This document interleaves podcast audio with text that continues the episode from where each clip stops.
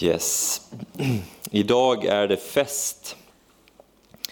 Eh, för de här tre dagarna som föregår fastan kallas just för fastlagen och därav ordet fastlagssöndag idag. Så det idag börjar liksom festen inför eh, fastan. Det är liksom eh, västvärldens karneval, så att känner ni er i karnevalstämning idag? Eh, sambatakterna är på och liksom plymerna och allt det där eh, så laddas, laddas upp. Karneval betyder farväl till köttet och firas ju de här dagarna i, eh, inför just fastan i Sydamerika framförallt. Men även ifall kanske inte är så bekväma i den där typen av festligheter så är det här ändå en, en eh, dagar att ta avstamp in i vandringen upp mot Jerusalem som eh, Göran läste här inledningsvis. Vi går upp mot Jerusalem, mot Jesu död och mot Jesu uppståndelse. Och eh, fastan har, jag vet inte, vi har väl de senaste åren liksom uppmärksammat det lite grann mer och som vi såg på eh, pålysningarna här så kommer vi på onsdag kväll ha en digital eh, andakt 2030 via Zoom och där finns länken på hemsidan. Eh, och där vi börjar den här eh, 40 dagarna inför påsk. Eh, och som sagt, de senaste åren har vi uppmärksammat dem lite mer, men eh, traditionellt sett så har ju fastan kanske förknippats med ganska, att det är ganska tråkigt och lite så torrt och man ska eh, avstå saker och man får inte äta och sådär.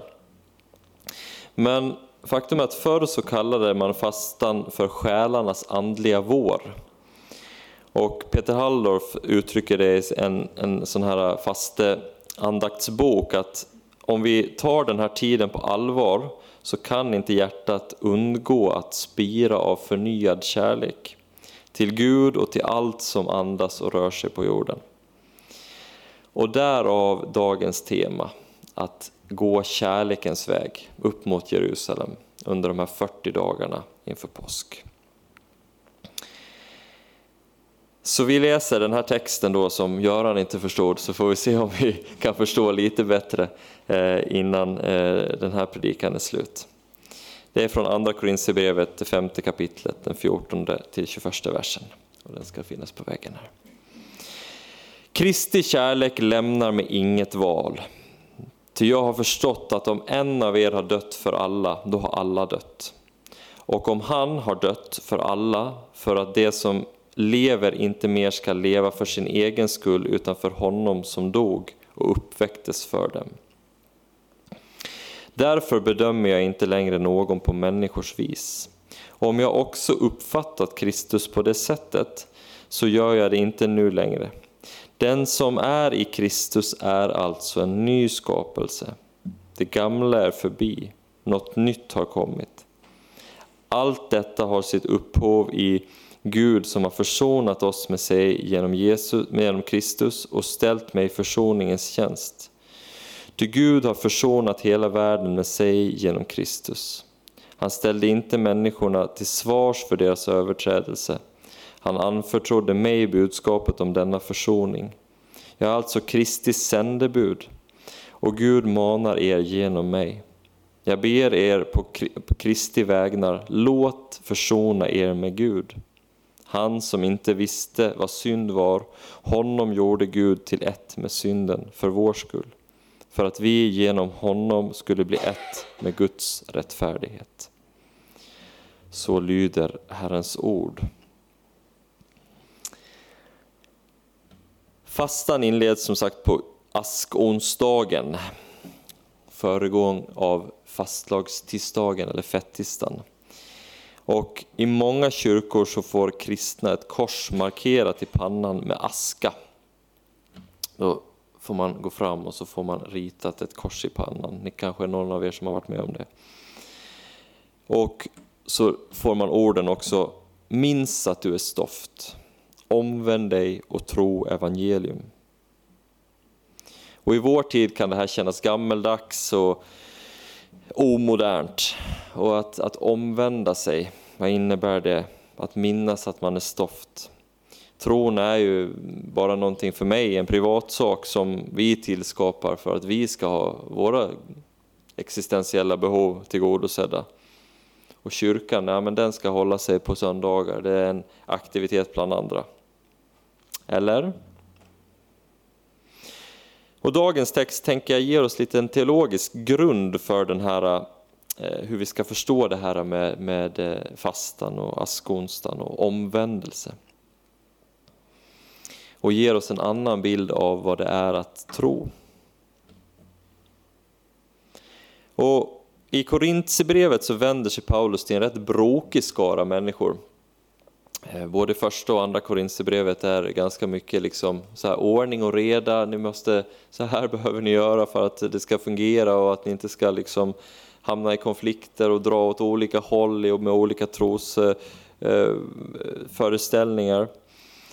Eh, eh, eh, och så kan det ju vara, kanske inte så turbulent i, i vår, vårt sammanhang, men så kan det ju vara, att vi tycker olika, tänker olika och att ibland kan det bli lite rörigt. Eh, i alla fall är det så hemma hos oss emellanåt. Och eh, i de tidigare kapitlerna i Andra Korinthierbrevet så har han beskrivit det gamla och det nya förbundet. Det gamla förbundet utan Kristus, där lagen var det som gjorde att man eh, fick rättfärdighet. Eh, och där man liksom aldrig lyckades riktigt fullt ut. Och det nya förbundet där Kristus har dött för alla, en har dött för alla som det står i texten. För att vi skulle få del av hans rättfärdighet, för att vi skulle få del av det eviga livet. Och gemenskap med Jesus. Och just den här längtan efter gemenskapen, längtan efter Guds härlighet och längtan efter hans kärlek. Och i textstycket eh, som vi läste så finns det två meningar som jag tänkte vi ska titta lite närmare på för att förstå den här. Och den första är inledningsstrofen, att Kristi kärlek lämnar mig inget val. Och den andra är, den som är i Kristus är alltså en ny skapelse. Det gamla är förbi och något nytt har kommit. Kristi kärlek lämnar mig inget val. Många av oss har säkert erfarenhet av starka kärleksupplevelser. Till en partner, till sina barn, till en vän. Och när vi älskar någon så vill vi liksom vill vi vara med den där personen eller vara med den där, det där sammanhanget där vi har känt, känt oss älskade och känner att vi älskar. Vi vill bereda plats. Vi vill ringa och höra dess röst. Vi vill skapa eh, ja, tillfälle att träffas och sitta och prata. Vi vill göra saker tillsammans, spendera tid. Så när vi bereder plats för kärleken, då blir den också större. Engelskan har det här uttrycket att eh, falling in love, att falla i kärlek. Det är ett ganska vackert uttryck, uttryckt. Vårt att bli kär eller att bli förälskad blir liksom, det blir lite tommare på något sätt. Att falla i kärlek tycker jag är väldigt fint. Och lite så känns det när vi översvämmas av en upplevelse där, där inte bara tanken utan också känslan och liksom kroppen, hela, hela oss reagerar och samverkar i en närmast andlig upplevelse. För när vi älskar behöver vi liksom tillit, att falla i den älskandes armar.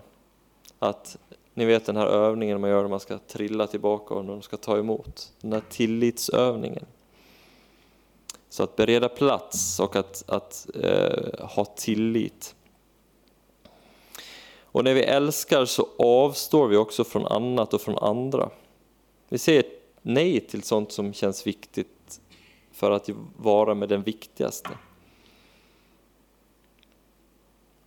Eh, när jag skulle förbereda dagens eh, eh, predikan så tittade jag i, i gudstjänstwebben där och såg vilka texter som var föreslagna. Och den gammaltestamentliga texten, eh, den är från Höga Visan, den åttonde kapitlet. Och när jag och Rebecka förlovade oss för snart 20 år sedan så, så var det just den texten som vi graverade in i våra ringar. Och som unga och förälskade så blev det här ett förbund att bygga på. Det kanske inte är lika flammande idag som det beskrivs i Höga Visan, men det är, den är stark och eh, djup på ett annat sätt. Så här står det i Höga Visan, åttonde kapitlet. Bär mig som ett sigill vid ditt hjärta, som ett sigill vid, ditt, vid din arm. Stark som döden är kärleken, lidelsen obeveklig som graven. Dess pilar är flammande eld och en ljungande låga. Mäktiga vatten kan inte släcka kärleken. Floder kan inte svepa bort den. Om en man gav allt han ägde för kärleken, vem skulle ringakta honom? En stark lidelsefullt förbund. Så ser Gud på oss människor. Och Johannes definierar kärlek så här i eh, Johannesbrevet, första Johannesbrevet, det fjärde kapitlet. Mina kära, låt oss älska varandra. Till kärleken kommer från Gud och den som älskar är född av Gud och känner Gud. Men den som inte älskar känner inte Gud, eftersom Gud är kärlek. Så uppenbarade Guds kärlek hos oss, att han sände sin son till världen för att vi skulle få liv genom honom. Detta är kärleken. Inte att vi har älskat Gud, utan att han har älskat oss och sänt sin son som försoningsoffer för våra synder. Så älskade Gud världen. Och det vi får göra, det är att älska varandra. Som Rebecka sjöng, Gud låt mitt leende få visa vem du är. Låt mitt leende få visa att jag är älskad av Gud, att jag har eh, upplevt något, att Kristi kärlek tvingar mig som, som Paulus uttrycker det.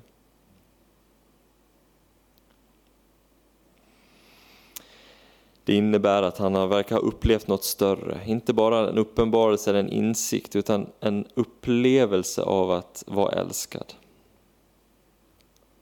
och som påverkar hela honom, hela hans liv. Och som också vi får smaka på. Och det här tar oss vidare till nästa del. Och den andra strofen var ju att den som är i Kristus är alltså en ny skapelse. Det gamla är förbi och något nytt har kommit. Ett sätt att beskriva den kristens liv är att beskriva det som en pilgrimsvandring. En pilgrim, det, betyder, det är ju ett, ett annat ord egentligen för främling. Och en främling som är på väg för att besöka en helig plats. har ett mål, någonting som, som man ska liksom nå.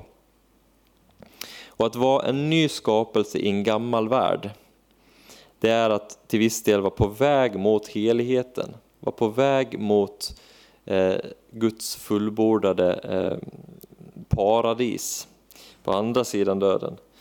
Men att också vara på väg mot det liksom här och nu. Och eh, den här kärlekens väg, den här pilgrimsvägen upp mot eh, Jerusalem nu då, som vi ska få vända de här 40 dagarna, kan vi liksom ännu tydligare tänka oss det som en pilgrimsvandring. Att vi får stanna till lite oftare och, och, och vända vår liksom blick emot mot Gud och också fundera på hur mycket packning bär jag med mig? För pilgrimer färdas med fördel med lätt packning, då vandringen ibland kan vara tuff och svår och prövande.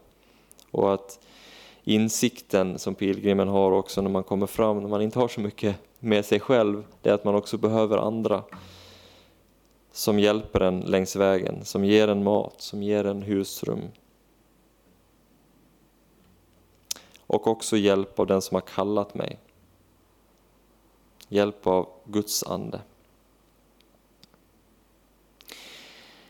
Liksom askonsdagens aska som ritas med ett kors i pannan är grenar som har brunnit så får det som är bortvänt från Gud, det som vi kallar för synden, det som vi kallar för det som eh, inte, inte gör att vi liksom vandrar den här vägen mot det heliga utan att vi tar vägar som, som eh, går åt fel håll. Att det får brinna i, i, i Guds eh, kärlekskraft. Eh, eh, att det får liksom falla bort när vi säger förlåt. Våra hårda ord, vår avund, vår missundsamhet, vår självtillräcklighet. Att det får brinna bort och så får den där askan ritas som ett kors i våra pannor och så att vi får veta att okej, okay, vi är fria. Den här tunga packningen vi bär med oss, den kan vi få släppa här.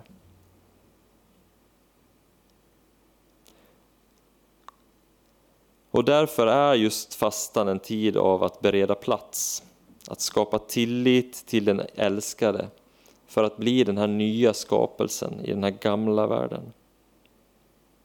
För när vi gör plats så hör vi lättare Andens röst i våra inre. När vi ber och när vi liksom läser, när vi samtalar med, med varandra så kan vi veta att det är Anden som viskar till oss.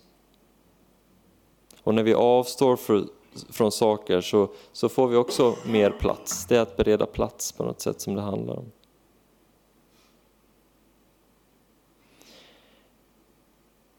Så eh, nu under fastans tid så har vi möjlighet att lite oftare faktiskt eh, se över de här packningen vi har med oss. Vi kommer varje onsdag kväll ha sådana här Zoom-andakter eh, klockan 20.30 så där vi kan koppla upp oss. Och eh, skulle också vilja liksom ge uppmuntra er i att hitta en, om ni inte redan har det, hitta en andaktsbok där ni läser ett stycke varje morgon. Det behöver inte vara många minuter, men där man får vända sig mot, mot Gud och fundera och förbereda oss inför påsken.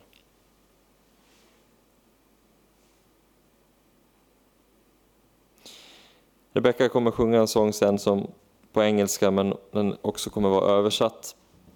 Men där är en en del av det har jag tagit med här som en avslutning, som, som en bön. Så jag tänker att den får liksom avsluta den här predikan och sen går vi vidare i gudstjänsten. Helig Ande, led mig dit där min tillit är utan gräns. Och när haven reser sig och prövningen kommer så vilar min själ i din omsorg. För du är min och jag är din. Amen.